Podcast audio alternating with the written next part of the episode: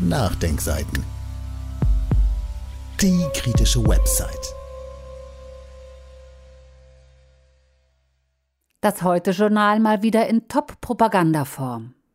Ein Artikel von Albrecht Müller. Man lernt viel, wenn man sich diese an dieser Stelle verlinkte Sendung von gestern anschaut. Offene Propaganda für Angela Merkel, Unterstützung dieser Lobeshymne durch den einzigen linken Ministerpräsidenten Ramelow, massive Beeinflussung der öffentlichen Meinung und Nutzung der damit beeinflussten Umfrageergebnisse. Und dann noch wie selbstverständlich die Nutzung des Begriffs Mob für die durchaus unsympathischen Leute, die das US-amerikanische Kapitol stürmen. Zu letzterem der Hinweis auf einen bemerkenswerten Artikel in der Frankfurter Allgemeinen Sonntagszeitung. Doch nun zum Heute-Journal von gestern. Schon in der ersten Minute, bei Minute 0.59, lässt Frau Slomka wissen, Umfragen würden zeigen, eine Mehrheit in Deutschland wolle, dass dieses Virus bekämpft wird und mit sogenannten wirksamen, konsequenten Maßnahmen bekämpft wird. Welch ein Wunder. Dafür bin ich auch. Was die Moderatorin des ZDF damit meint, folgt gleich in Minute 1.07. Wären viele für einen richtigen Lockdown zu haben, wenn damit die Ausbreitung gestoppt werden kann. Welch ein Wunder. Aber was ist ein richtiger Lockdown?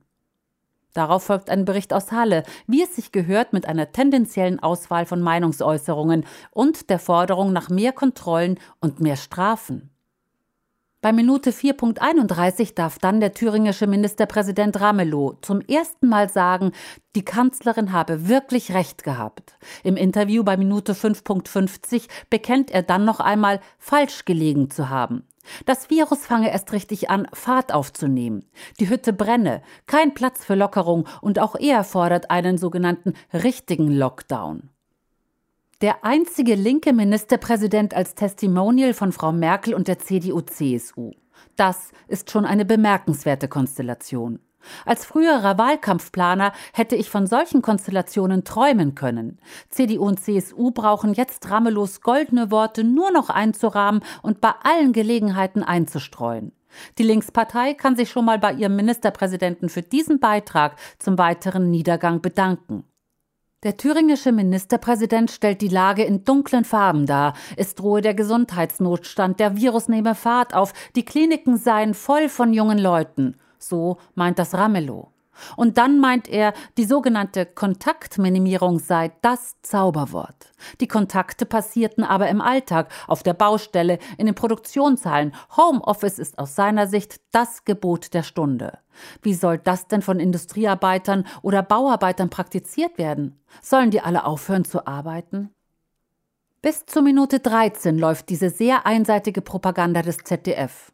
Das kann man ja so machen.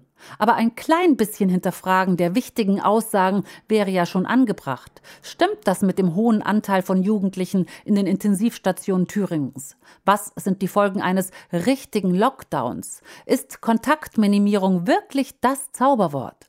Jugendliche, Kinder, alte Menschen ohne Kontakt? Was ist das für ein Leben? Was ist das für ein Leben, wenn die Kontaktminimierung, wenn die Realisierung dieses angeblichen Zauberworts weitere zwei oder vier oder sechs Monate dauert? Gedankenloses Gequatsche. Bei Minute 15.51 kommt die Moderatorin auf die Vorgänge in den USA zu sprechen. Bei Minute 16.3 fällt das in manchen Äußerungen und Texten zur Kennzeichnung der Personen, die das Kapitol gestürmt haben, gängige Wort Mob. Manchmal liest man auch Plebs.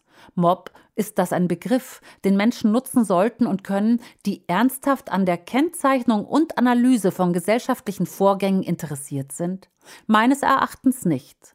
Denn in diesem Wort kommt eine von oben herab Betrachtungsweise zum Ausdruck, die wir auf den Nachdenkseiten jedenfalls meiden möchten.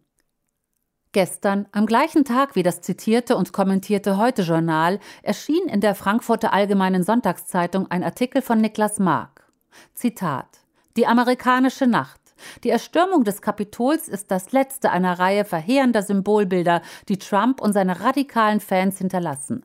Einige dieser Bilder verraten aber noch viel mehr über die wahren Wurzeln des Desasters, in dem der Westen steckt. Zitat Ende. Der Autor gebraucht gleich zu Beginn zwar auch den Begriff Mob, aber der weitere Text entschuldigt diese Begriffswahl. Die amerikanische Nacht ist ein sehr lesenswerter Artikel. Wenn Sie noch die Möglichkeit haben, ihn irgendwo aufzutun, dann sollten Sie ihn lesen. Ich gebe als Vorgeschmack noch ein paar Passagen zur Kenntnis. Zitat wenn er es sich in den kommenden Tagen nicht noch anders überlegt, wird Trump der einzige in einer langen Reihe republikanischer Präsidenten gewesen sein, der keinen Krieg anzettelte. Sein Krieg war einer der Bilder und der symbolischen Akte. Die Grundlagen dafür, dass er Präsident wurde, haben andere gelegt. Und so gesehen ist das Bild aus dem vandalisierten Kapitol vielleicht das interessanteste, auf dem zwei Männer, einer von ihnen of Color, die Statue von Ronald Reagan erklimmen.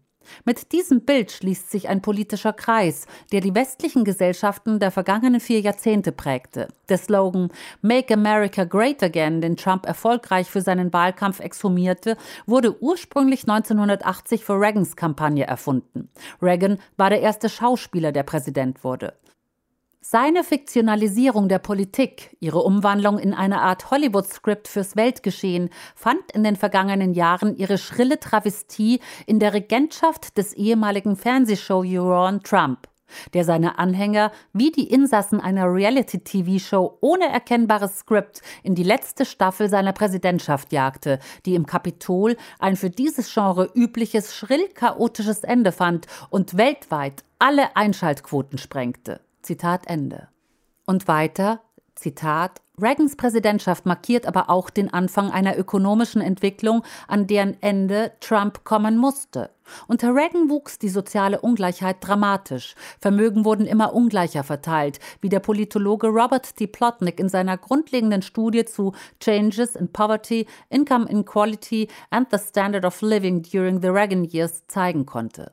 Den Gewinnern einer deregulierten Wirtschaft standen eine desaströse Bildungspolitik gegenüber, die Verarmung breiter Schichten, vor allem der schwarzen Bevölkerung, die Zerstörung der Sozialstrukturen des ländlichen Amerikas, die Aushebelung des fairen Wettbewerbs, die man im Silicon Valley beobachten kann. Reagan war maßgeblich daran beteiligt, dass Amerikas vergessene Landstriche heute nicht so great aussehen.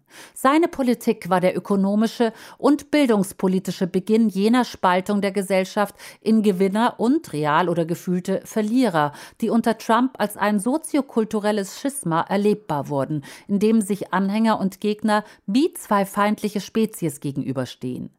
Diejenigen, die finden, die Rettung der Arbeitsplätze müsse Amerikas Priorität sein, das war ein Drittel aller Wähler, wählten zu 82 Prozent Trump. Historisch betrachtet waren die sogenannten Barbaren meist keine Fremden, sondern Bewohner des gleichen Reiches, die rabiat ihren Anteil an den ungleich verteilten Reichtümern und Chancen einforderten. Mit Freud gesagt, das verdrängte eigene. Was man auf dem Foto nicht sieht, ist die Inschrift auf Reagans Sockel. Amerikas beste Tage stehen noch bevor, steht dort. Damit das stimmt, wird man mehr machen müssen, als zu betonen, dass man auf der richtigen Seite steht. Zitat Ende Niklas Mark. So wie in diesem Artikel im Feuilleton der FAS kann man auch mit den Vorgängen in der USA umgehen. Dann wird auch erkennbar, dass der noch amtierende Präsident Trump nicht vom Himmel gefallen ist. Er ist Zeichen des Desasters, in dem die gefeierte Welt des sogenannten Westens steckt. Jetzt besteht allerdings die Gefahr, dass man darüber hinweggehen wird, weil die Siegesfeiern des in neun Tagen zu vereidigenden Präsidenten Biden das zugrunde liegende Desaster überlagern werden. Quellenangaben und weiterführende Verlinkungen finden Sie innerhalb des Textes auf nachdenkseiten.de und im Beschreibungstext unter dem YouTube-Podcast.